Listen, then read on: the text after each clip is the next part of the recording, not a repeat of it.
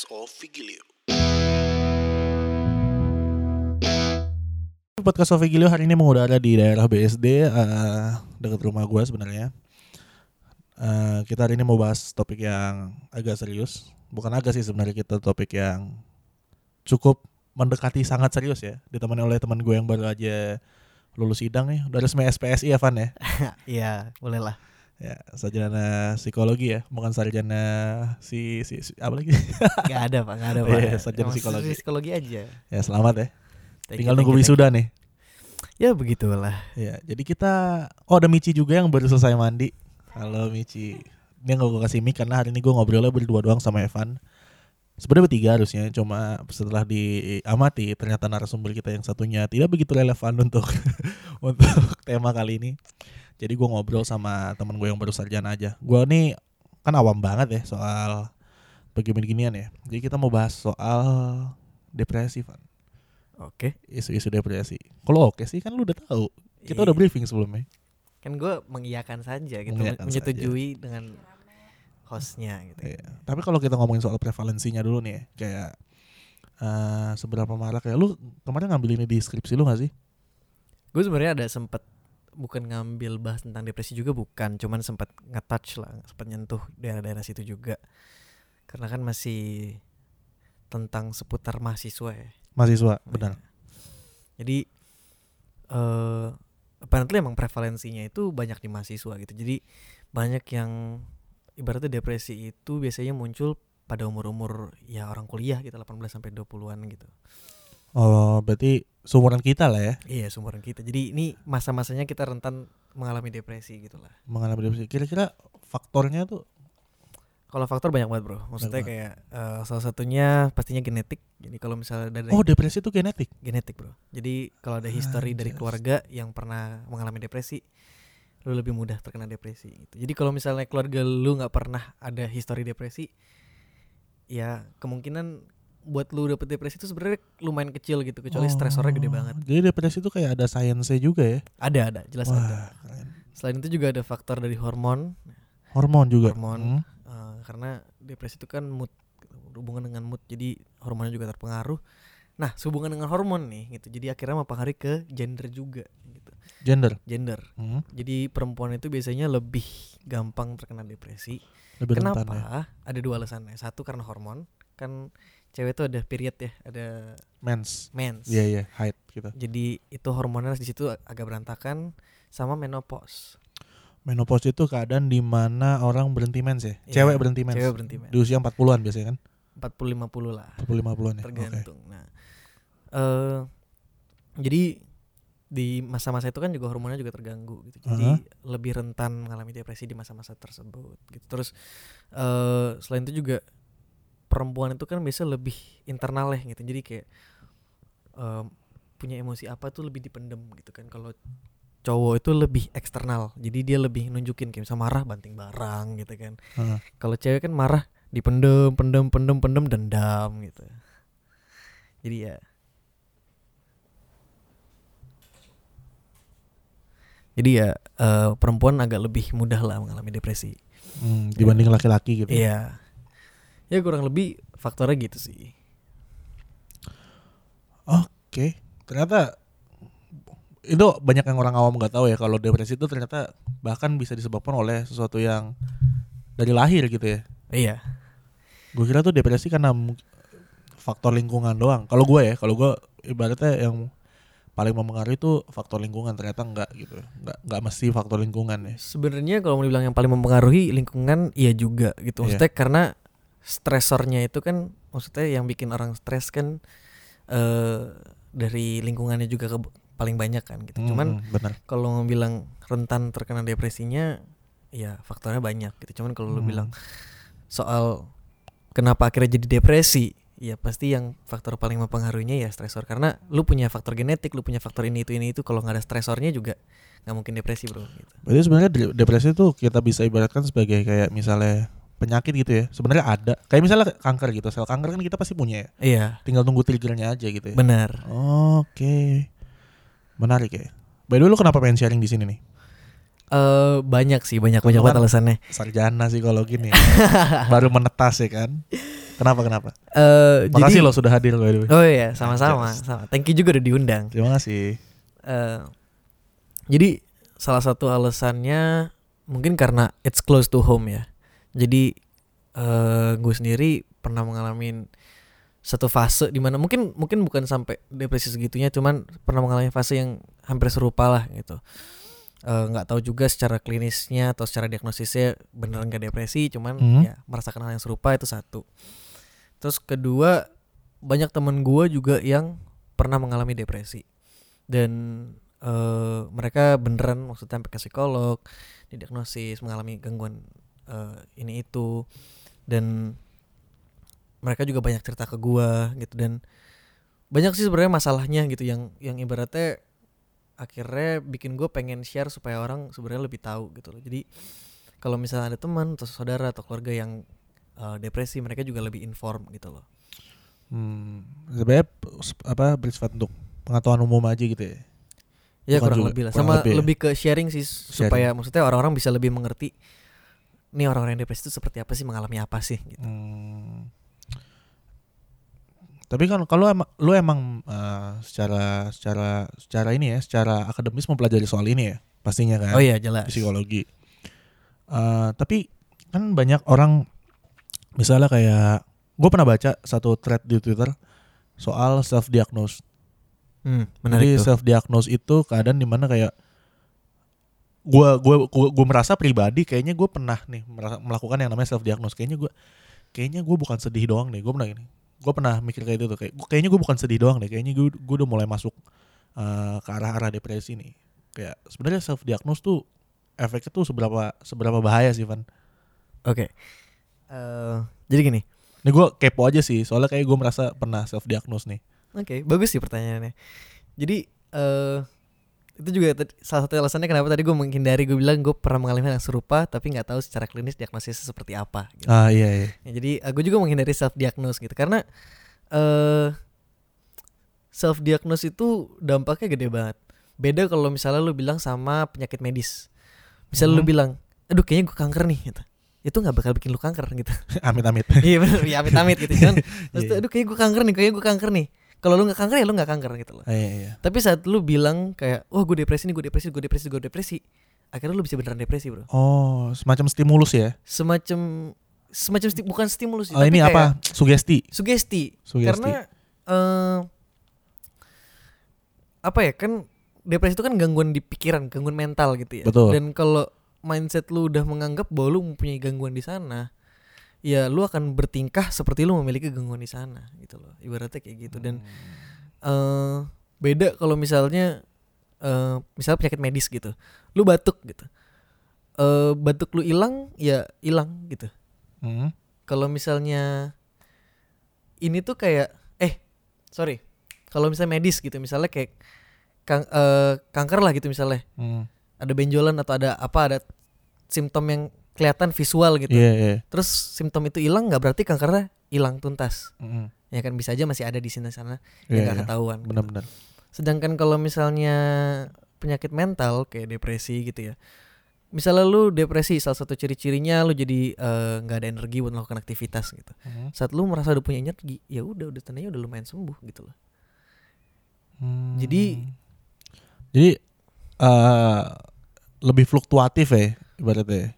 Bukan masalah fluktuatif sih, cuman kayak itu bukan gangguan internal yang kayak eh simptomnya ada atau enggak itu lu tetap sakit. Tapi kalau misalnya penyakitnya itu adalah simptomnya itu sendiri, ngerti nggak maksud gue? Iya iya iya. Jadi Oh. kalau simptomnya enggak ada berarti lu nggak sakit, Bro, gitu.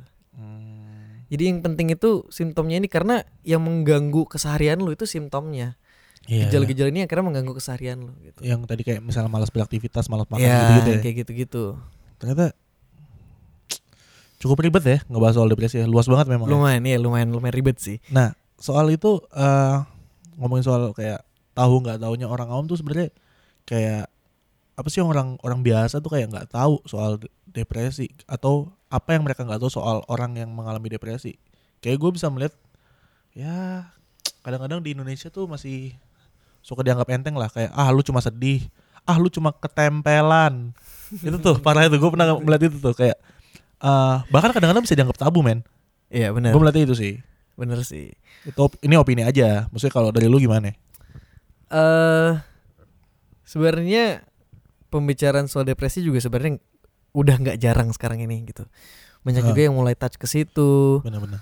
eh udah mulai di highlight cuman eh kalau mau dibilang orang awam ku- kurang tahu apa sih eh mungkin ya yang menurut gue paling penting adalah eh gue pernah dapet satu ilustrasi gitu dari sebuah TED Talk gitu. Mungkin Tetok. kalian familiar juga dengan TED Talk.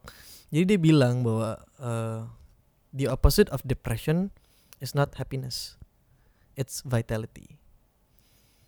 Jadi kebalikannya dari depresi itu bukan kesenangan tapi mempunyai energi gitu lah vitalitas Vitalitas. energi hidup gitu. Jadi it's not about you feeling sad it's about not having the energy to do anything gitu Wow. itu salah satu satu ilustrasi yang menurut gua Karena kalau happiness ya antonimi ya sad gitu. Iya. Apa sadness gitu, happiness sadness gitu. Jadi, Jadi- kalau misalnya depression berarti vitality antonimi ya. yes lebih ke arah vitality gitu Terus Nah. terus terus eh, mungkin juga lebih ke arah kayak penanganannya gitu kayak wah temen gue depresi nih terus gue harus gimana gimana eh apa ya? Sebenarnya kalau gue dari pengalaman gue sendiri sih kan kebetulan temen gue juga ada beberapa yang mengalami depresi gitu ya. Mm. kalau gue yang menurut gue paling efektif adalah ya udah be there aja. Ada aja buat mereka. Nggak berarti lu harus terus kepoin mereka weh gimana kabar lu? gini gitu datengin mereka jenguk gini gitu. Oh justru itu bakal make things worse ya. iya make karena worse. Mereka juga capek nanganin lu gitu ibaratnya Hmm, oke. jadi saat mereka Iya. butuh mereka bakal datang dan lu cukup ada buat mereka terus eh juga kayak sebenarnya khususnya lebih ke orang tua sih ya mungkin kayak karena banyak orang tua yang yang kayak lu bilang tadi gitu nganggapnya ah kamu mah ketempelan gitu ah Nggak- kamu mah nggak aware mereka ya justru. ya. iya ah kamu mah cuma sedih aja baru putus pacar gini gitu ya walaupun Hmm. putus pacar juga nggak nggak nggak selalu memicu depresi sih ya Iya, klarifikasi iya. nih klarifikasi cuman Nah, terus eh maksud gue em, jadi sebuah apa ya namanya kayak disep- disepelekan sih sebenarnya Mm-mm. di mana kayak orang tua tuh nggak menganggap depresi itu apa ya menganggap itu tidak ada juga enggak gitu tapi mereka nggak mau percaya bahwa anaknya depresi gitu loh gimana yang ngomongnya Oh, paham gue. Jadi mereka nggak nggak anak gue nggak depresi nih. Nggak, iya anak gue nggak depresi dan nggak boleh depresi. Kayak gitu. semacam kayak gitu Semacam gitu semacam ya? kayak gitu ya benar kayak- jadi kayak Soalnya mereka kalau misalnya menemukan anaknya ternyata memang mengalami depresi, pasti mereka sepaneng sendiri nggak sih? Kayak iya senewan sendiri.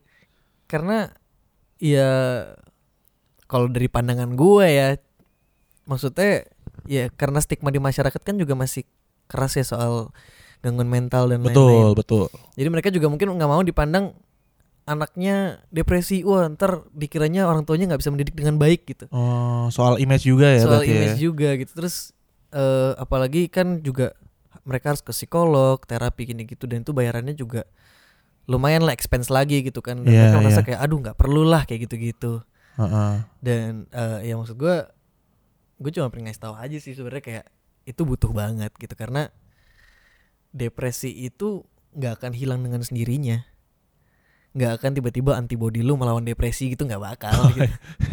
jadi selama itu nggak ditanganin ya depresi itu hanya akan tinggal di situ atau ya makin parah pilihannya cuma dua itu doang Berarti memang nggak ada alternatif lain memang lu harus ke psikolog ya. Psikolog apa psikiater? Eh bedanya apa sih psikolog sama psikiater? Ah jadi beda dasarnya gitu ya beda dasarnya Lu itu jelasin dan kayak, kayak gue psikiater, psikolog apa gitu masih suka. Awam ya, awam. Iya, awam. awam. Sarjana komunikasi. Beda. Siap. Bukan sarjana psikologi. udah wisuda ya udah wisuda Udah. udah? Udah. Ya, jadi eh, psikolog sama psikiater secara dasar bedanya s- eh, psikiater S1-nya FK, kedokteran. Mm-mm. Itu ber- perbedaan dasar gitu. Nah, kalau dalam line of work-nya psikiater itu bakal lebih berkecimpung di bidang farmakologi. Dalam arti mereka akan memberikan medikasi obat. Hmm. Sedangkan psikolog biasanya lebih eh, memberikan penanganan berupa terapi. Tapi sebenarnya kalau mau dibilang eh, dalam tanda kutip konseling gitu atau ngobrol-ngobrol sama psikolog atau psikiater kurang Heeh. lebih sebenarnya sama karena mereka juga ahli di bidang yang sama gitu loh. Heeh. Dan memang mereka tugasnya menangani eh, klien-klien yang memiliki gangguan mental. Cuman masalah penanganannya cukup berbeda, Berarti actionnya aja yang beda. actionnya yang berbeda. Terus gue pernah dengar kalau psikolog itu justru mereka tidak take action, mereka lebih ke menuntun supaya uh, pasiennya itu justru malah menemukan jawabannya sendiri atas masalah-masalahnya, kayak depresinya gitu. Oh, iya bener sih. Cuman Uh, psikiater juga gitu? Enggak, psikiater enggak. sebenarnya gue kurang paham juga. Cuman harusnya sih sama kalau dalam psikiater juga. Mm-mm. Cuman itu yang bagian gue bilang tadi tanda kutip konseling gitu di mana mereka ngobrol eh, kurang lebihnya dapat insight-insight seperti apa kayak gitu. Hmm. Cuman kalau secara treatment gitu, secara treatment itu ya yang tadi gue bilang terapi sama medikasi gitu. Cuman kalau misalnya yang tadi lu bilang itu dua-duanya harusnya dapat. Soal menuntun mereka eh menuntun mereka untuk menemukan jalannya sendiri itu dua-duanya harusnya dapat. Cuman eh kalau misalnya udah masalah yang kayak depresi atau masalah gangguan mental lainnya yang cukup serius, eh sebutannya apa ya? Ini kan udah abnormalitas lah ibaratnya Hmm. gitu. Tidak sewajarnya orang mengalami itu gitu. Ah. Jadi mereka juga pasti akan kesulitan menemukan jalannya sendiri. Jadi diajak berpikir secara logis juga udah susah gitu loh. Hmm, itu tantangannya di situ ya. Iya, makanya butuh akhirnya butuh terapi dan akhirnya butuh medikasi itu di situ. Justru itu yang bahaya kalau misalnya tadi yang orang tua tadi menangani sendiri ya. Benar. Kadang orang tua soalnya malah lebih sok tahu lagi daripada anaknya. itu juga benar. Aduh. Tapi terkadang nggak Terkadang, selalu. Ada terkadang. juga eh, orang tua yang langsung menganjurkan ke psikolog ke, ke psikiater juga ada. Terus gue pengen nambahin dikit aja nih. Boleh boleh. Banyak juga nggak apa-apa. Oh iya siap. Iya. Eh, jadi kalau buat psikolog atau psikiater gitu ya, Hmm. ibaratnya banyak nih yang orang eh, orang yang bingung sebenarnya kayak, aduh gue gini nih, gue ke psikolog apa ke psikiater gitu. Eh, sebenarnya tergantung kasusnya, cuman kalau dalam kasus depresi, menurut gue dua-duanya gitu. Dua-duanya. Apa atau gangguan mental lainnya yang cukup serius, menurut gue dua-duanya. Kenapa? Karena terapi itu menyembuhkan lo. Gitu. Heeh. Kalau menurut gua gitu, terapi itu membantu lu untuk bisa lebih baik kondisi mentalnya. Heeh. Tapi kalau lu tidak bisa menjalankan terapi dengan baik, zero, nggak ada efeknya. Maka itu lu butuh medikasi. Itu lu butuh dua-duanya kalau depresi. Lu butuh dua-duanya. Kapan Karena lu kapan lu butuh ke psikiater doang? Kapan lu butuh ke psikolog doang? butuh ke psikolog doang banyak. Kalau lu cuman punya masalah-masalah kehidupan yang lu mau obrolin Ah. atau Kayak lu butuh pengen penyegaran aja gitu ya. penyegaran, atau lu lu butuh pastor gitu ya. Beda. mirip tapi kayak ketemu pastor versi duniawi, Oh, versi duniawi. versi duniawi benar. gitu. Jadi Kalau pastor kan spiritual banget ya. Iya. Jadi em, buat dapat pencerahan soal masalah-masalah kehidupan itu lu bisa datang ke psikolog doang gitu. Hmm, Kalau psikiater? Kalau psikiater saat lu cuma butuh obatnya aja Obatnya. dan itu cukup jarang sih sebenarnya karena obat itu di gangguan mental ya obat itu tidak menyembuhkan gitu obat itu mengurangi gejala-gejala yang tadi gue bilang gitu. Oh, makanya ada obat namanya antidepresan. exactly bro Oh iya iya benar jadi benar itu benar. benar. menurunkan eh, ting- apa gejala-gejala depresi itu Iya, jadi kayak iya, lu iya, lebih punya benar. energi Benar benar benar. nah itu kenapa sih bisa kayak gitu karena dia langsung eh ibaratnya apa ya Langsung nonjok ke ininya, ya, ke titiknya itu ya.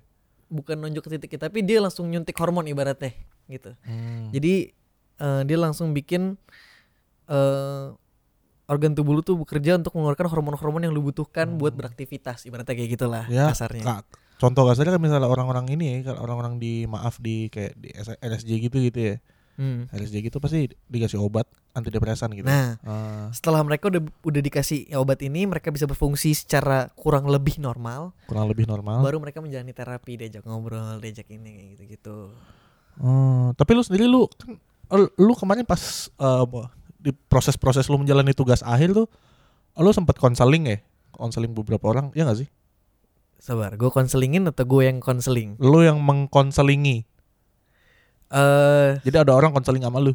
sebenarnya kalau mau dibilang konseling juga enggak karena tidak ofisial gue bukan konselor yang mempunyai izin praktek dan gue juga kebetulan saat itu gue belum menjadi lulusan sarjana psikologi Tapi kalau bilang orang curhat ke gue dan gue mencoba berusaha sebaik mungkin untuk Menjadi psikolog yang menjadi psikolog yang dengan- benar gitu. Iya, dalam arti gue bukan sekedar memberikan advice yang subjektif, tapi lebih menuntun mereka ya, seperti lu bilang tadi, Aha. menuntun mereka untuk menemukan jalannya sendiri. Yes, gue ada beberapa pengalaman.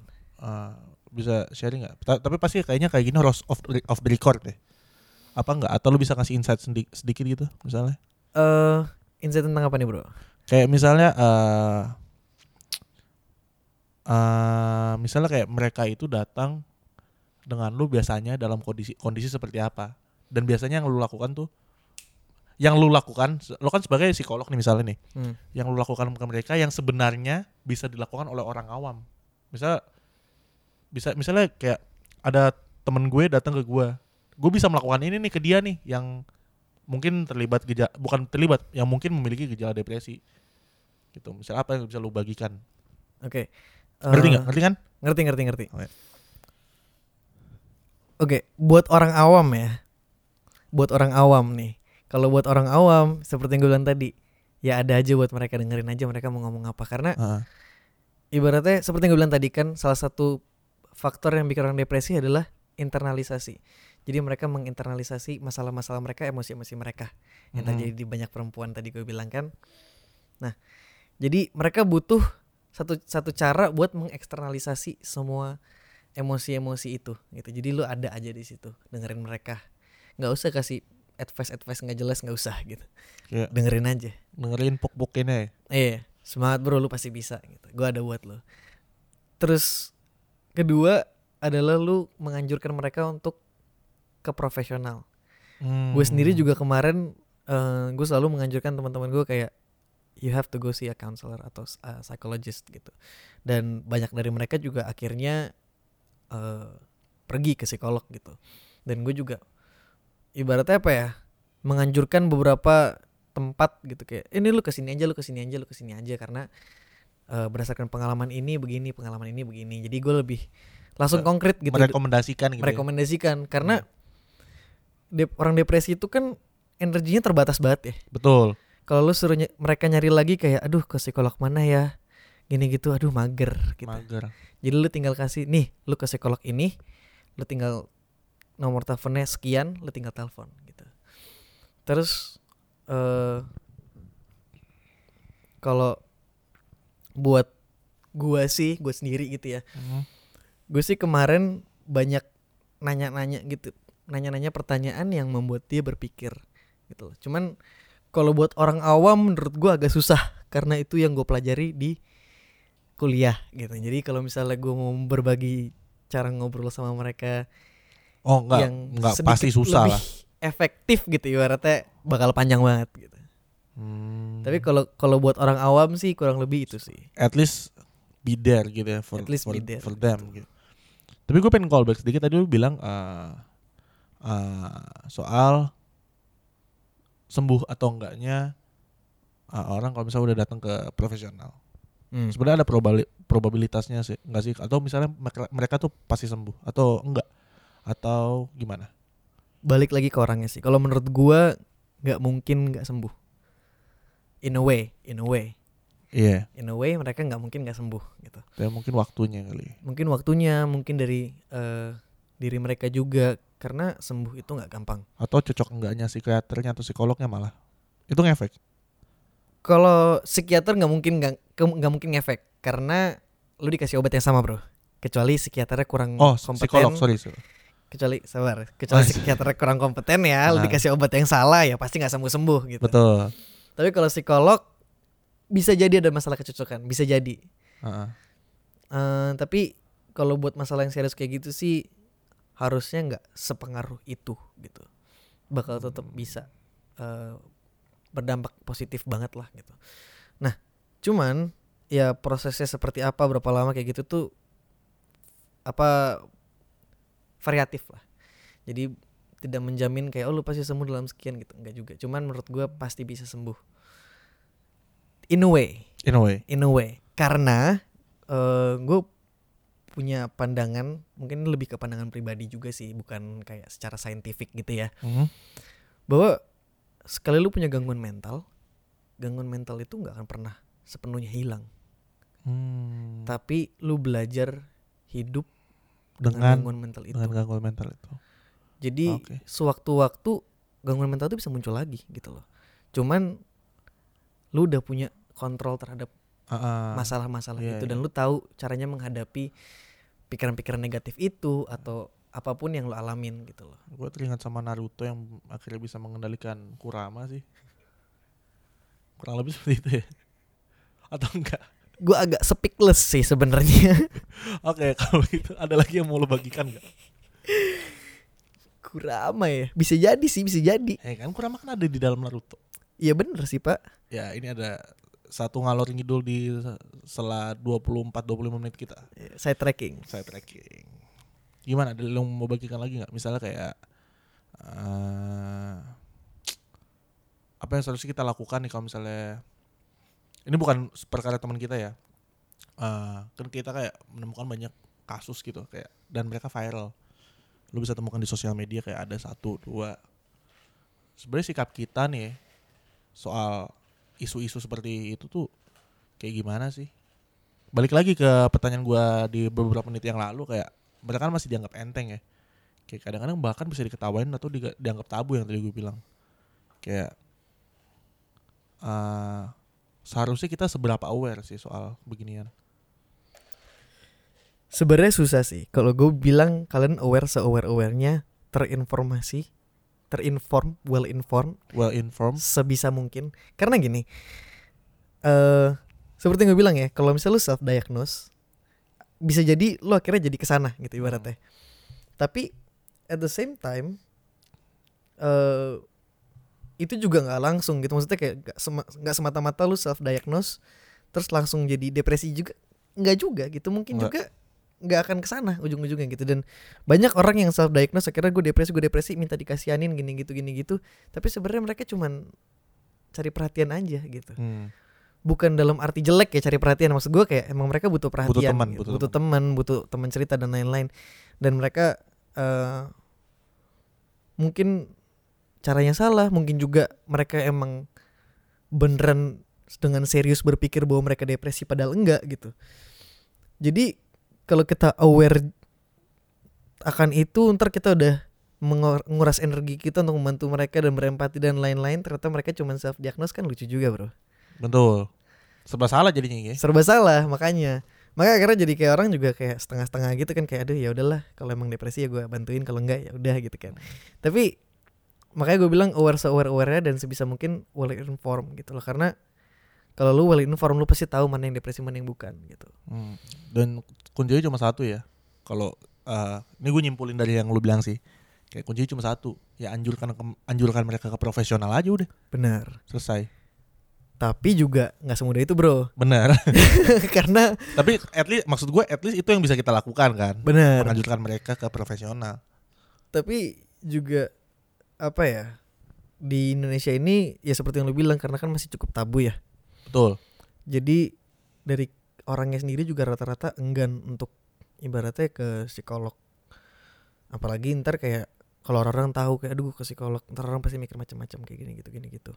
Judgement dari keluarga mungkin. Mm-mm. yang mungkin nggak gitu setuju dengan lu pergi ke psikolog gitu.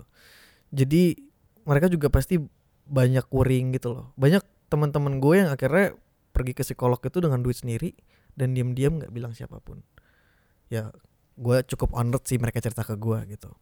Cuman mereka juga bahkan nggak cerita ke orang tuanya. Jadi mereka benar-benar menyisihkan uang saku mereka sendiri gitu loh. Hmm. jadi ya emang bagusnya refer gitu. Kita menganjurkan mereka untuk ke profesional tapi dalam praktisnya dalam Sulit. dunia nyatanya sulit bro. Karena gue juga sempat punya dilema tersendiri gue pengen ke psikolog dan gue baru merasakan gitu loh. Bahwa Hmm. gue sebagai sarjana psikologi aja yang udah mengerti bahwa lu harus udah belajar lah ya. udah belajar lah gitu. Bahwa itu cuman stigma masyarakat gini gitu gini gitu itu berpengaruh gitu loh. Gue juga jadi mikir dua kali kayak harus ke gue ke psikolog gitu. Psikolog kadang juga butuh psikolog gitu ya.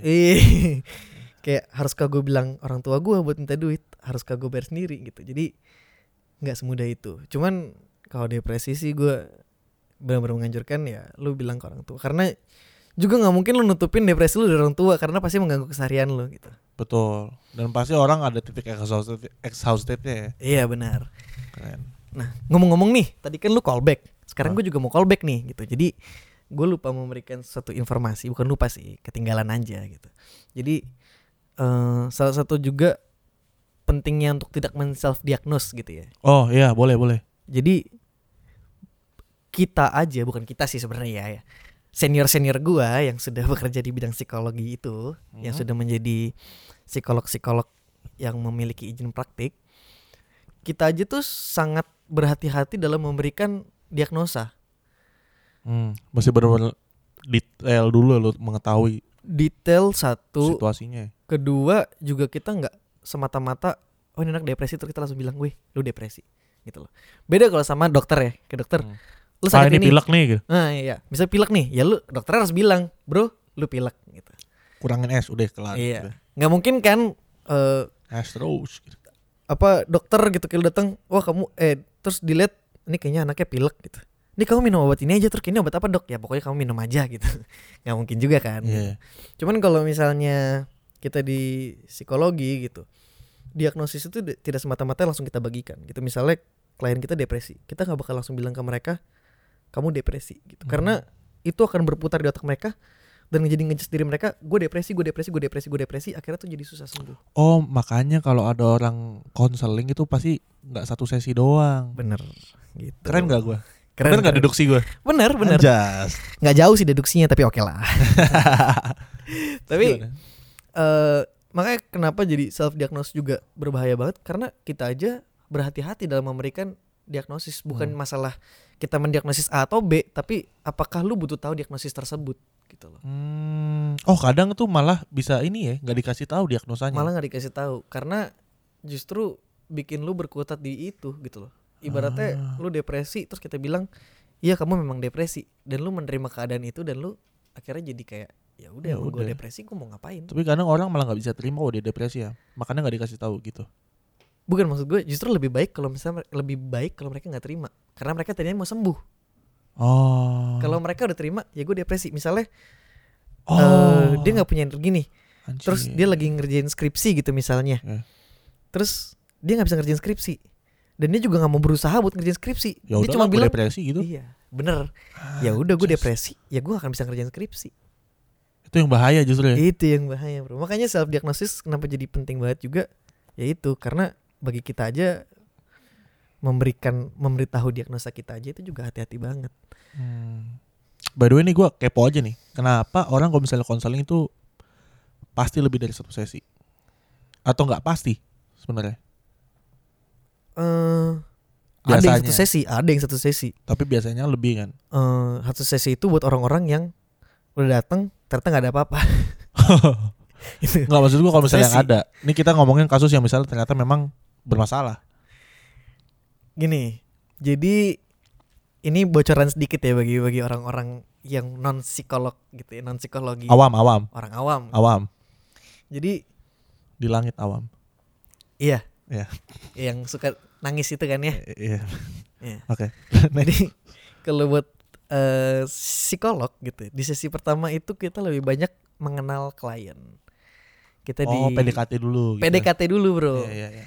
Jadi kita lebih mengenal klien, lebih cari tahu dulu masalahnya apa sih. Kondisinya gimana Kondisinya gitu. gimana. Di rumah, di, di lingkungan gitu. Benar. Jadi misalnya lu depresi nih gitu. Lu datang eh Pak, saya depresi. nggak bakal semata-mata kayak kita langsung kasih, "Oh iya ini tesnya." Terus dilihat, "Oh iya kamu depresi." Oke gitu. Enggak. Lu kayak tes MBTI kan? Makanya nggak kayak gitu. Jadi lu bilang, eh "Pas saya depresi nih." gitu. "Oh iya, kenapa kamu bilang kamu depresi?" gitu. Eh, kita kita lihat simptom-simptomnya kesehariannya seperti apa, apa yang terganggu dalam fungsi hidupnya kayak gitu. Jadi banyak kita baru banyak menggali di sesi satu. Ah. Nanti sesi satu kita baru baru menggali informasi-informasi yang kita butuhkan. Sesi dua em, baru ke masuk mulai ke masuk ke mana ya? Agak dalam gitu ya. Agak lebih dalam gitu. Ah. Terus baru sesi-sesi berikutnya baru ntar saat merasa sudah bisa di treatment Sudah merasa akrab gitu ya. Ikrip gitu. Nah, baru kita mulai masuk ke treatmentnya nih kamu harus seperti ini harus seperti ini harus seperti ini Ah. gitu Ber- Berarti memang harus bertahap ya.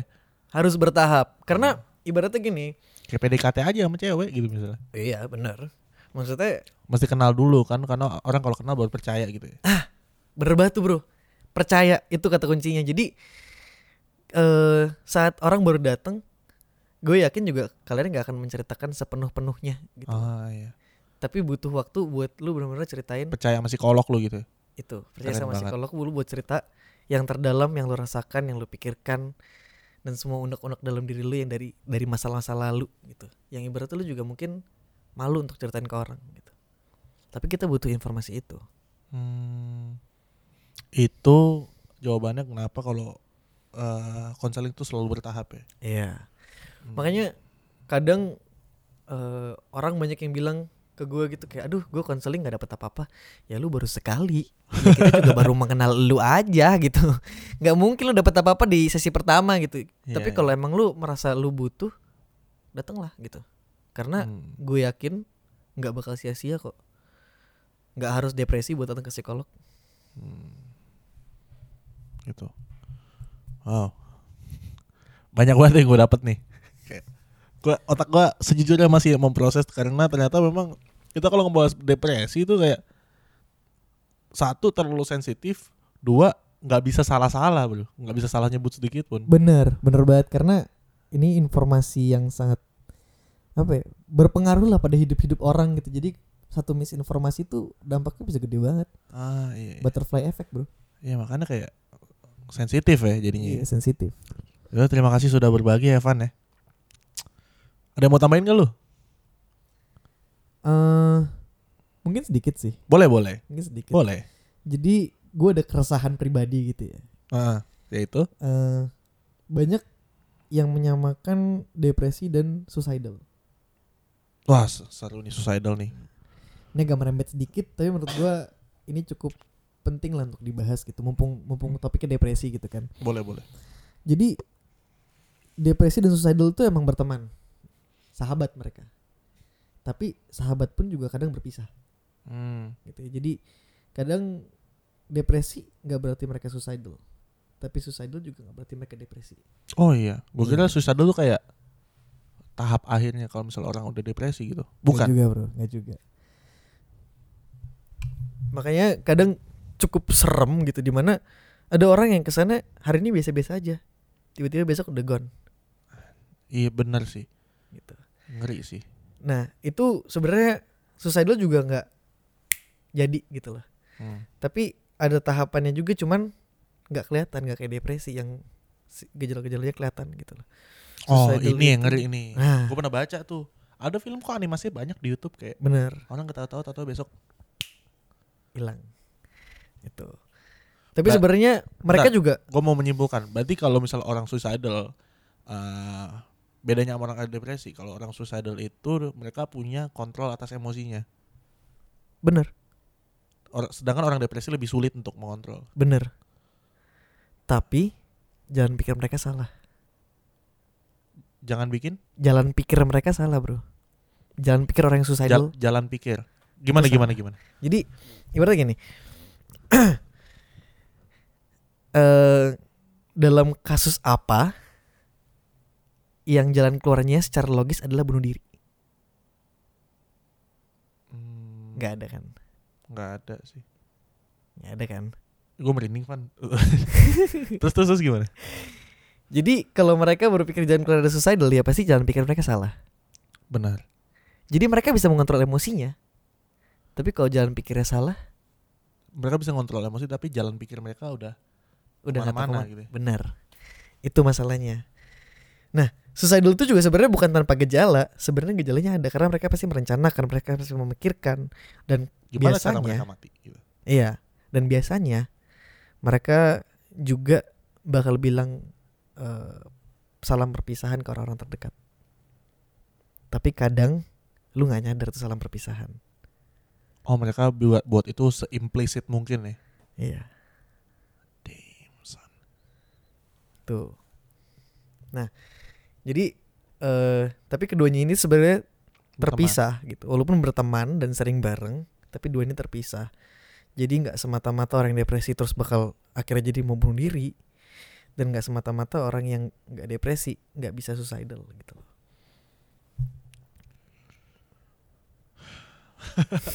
Merinding gue. lumayan berat ya lumayan berat ya Berat. Ini sangat berat sih kayak.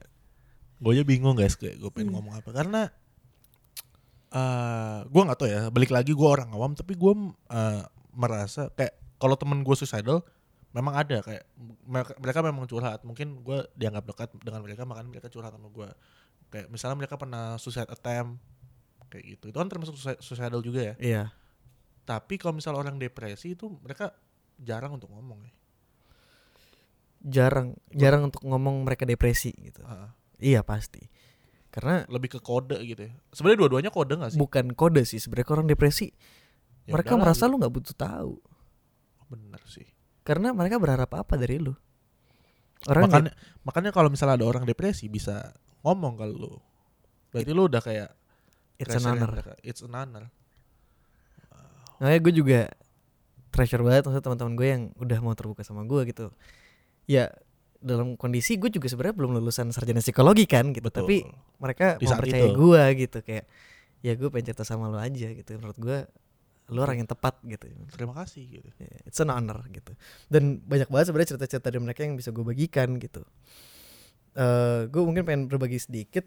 Ada teman gue yang mengalami depresi Hmm? dan dia sempet menyakiti diri sendiri lah. gitu. oh Ibaratnya self harm ya. self harm Itu juga sekarang lagi cukup marak ya gitu. cukup marah gue Dan- pribadi itu pun pernah dulu Nah kan, Ah. jadi emang cukup marak, sempet populer gitu dulu di zamannya gitu. sebenarnya konotasi salah ya kalau populer. cuma memang kenyataannya populer Iya gitu kenyataannya populer kayak orang eh, putus cinta lah, aduh aku melukai diri sendiri supaya kelihatan, iya supaya kelihatan kayak Sedih banget sedih gitu. banget gitu gue gitu ya, sempat populer lah. Nah tapi ini teman gue emang beneran gitu karena eh, emang ada gangguan mental, dia depresi dan dia self harm.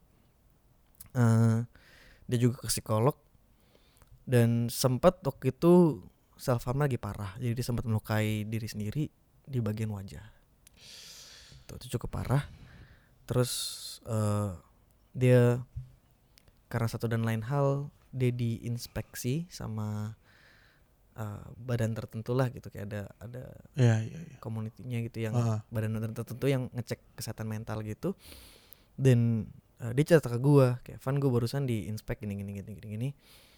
Kemungkinan gue bisa diadministrasi ke rumah sakit. Itu salah satu teman gue yang ya yang cukup parah lah gitu.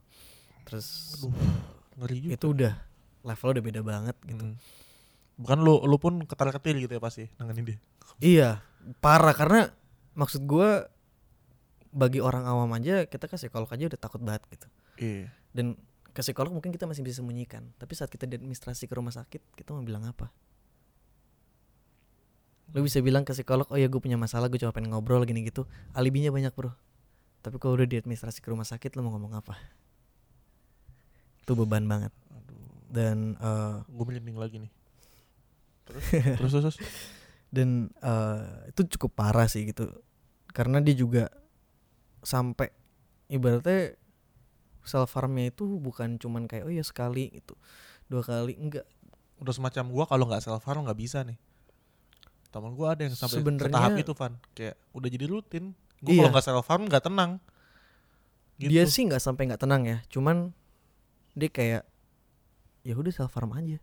Oh, kayak, rasakan tuh hal yang biasa kayak gitu. pengen aja gitu. Kayak pengen aja gitu kalau temen gue sampai ada yang begitu Van. Dia bisa dia juga cerita, gitu. Dan ya itu nggak eh, bisa tidur dia kalau nggak nyayat. Itu ngeri banget sih menurut gue gue kayak Itu sampai ngeri merinding sih. pas dia cerita. Dan itu yang itu yang akhirnya butuh bantuan profesional di situ gitu loh. Dan Ah. ya gue pengen sharing cerita ini maksudnya eh, lebih ke arah nih ada teman gue yang kayak gini gitu loh yang dan dia masih berjuang kok gitu. Dan ya, ya waktu itu untungnya dia nggak jadi di administrasi karena setelah diinspek kayaknya masih bisa berfungsi dengan cukup baik. Jadi ya selama dia menjalani eh, terapi gitu-gitu kan jadi ya udah. Tapi intinya adalah bahwa ya satu lu nggak sendiri gitu. Dan kedua you're not the unluckiest man gitu. You're not the unluckiest person gitu loh. Bahwa ada kok orang-orang yang ngalamin sama kayak lu atau mungkin lebih parah. Atau mungkin juga lu lebih parah cuman maksudnya Cuma memang daya terima. daya terimanya gitu. Cuman ya intinya lu nggak sendiri lah gitu temen gue juga Itu yang mereka perlu tahu ya. iya temen gue juga banyak yang cukup serius gitu kondisinya Makanya balik lagi yang kita bisa lakukan sebagai temannya atau sebagai orang awam ya udah bider. Buktikan ke mereka kalau mereka nggak sendiri gitu ya. benar kayak waktu itu juga gue sempet ya seperti yang lu bilang ya ketar ketir ya gue juga nggak tahu mau ngomong apa di, admi- di administrasi gitu gue mau nenangin tapi gue juga panik kan kalau di administrasi gimana gitu Hmm. dan kondisinya juga eh, orang tuanya juga nggak gitu tahu soal dia ke psikolog kan Heeh, heeh. dia juga cukup merahasiakan gitu jadi di saat itu juga gue bantu mikir alibi juga apa yang mau dikatain gitu karena administrasi lu stay di sana kan Iya, iya benar. ya itulah Wow. Aduh. gila gila. Memang kita menyinggung topik yang sangat sensitif ya. Jadi eh, buat teman-teman yang mungkin mendengarkan sampai di titik akhir podcast episode kali ini, mungkin kalian bisa eh, berbagi enggak sih enggak enggak mesti berbagi sebenarnya kayak kalian resapi aja kayak eh, narasumber gue hari ini dia lulusan psikologi ya. mantap iya jadi pasti pandangan orang terhadap depresi itu beda-beda. Jadi semoga aja sih yang gua sama Evan bagikan hari ini di POV ya. Ya, at least bisa berpengaruh sedikit lah dan semoga pengaruhnya lebih baik. Harusnya lebih baik ya. amin semoga kalian, seperti itu seenggaknya kalian uh, terwell informed dah. Yaudah terima kasih Evan udah sharing ya. thank you juga bro Yaudah sampai ketemu di POV episode berikutnya dan cheers. Bye. POV Podcast of Vigilio.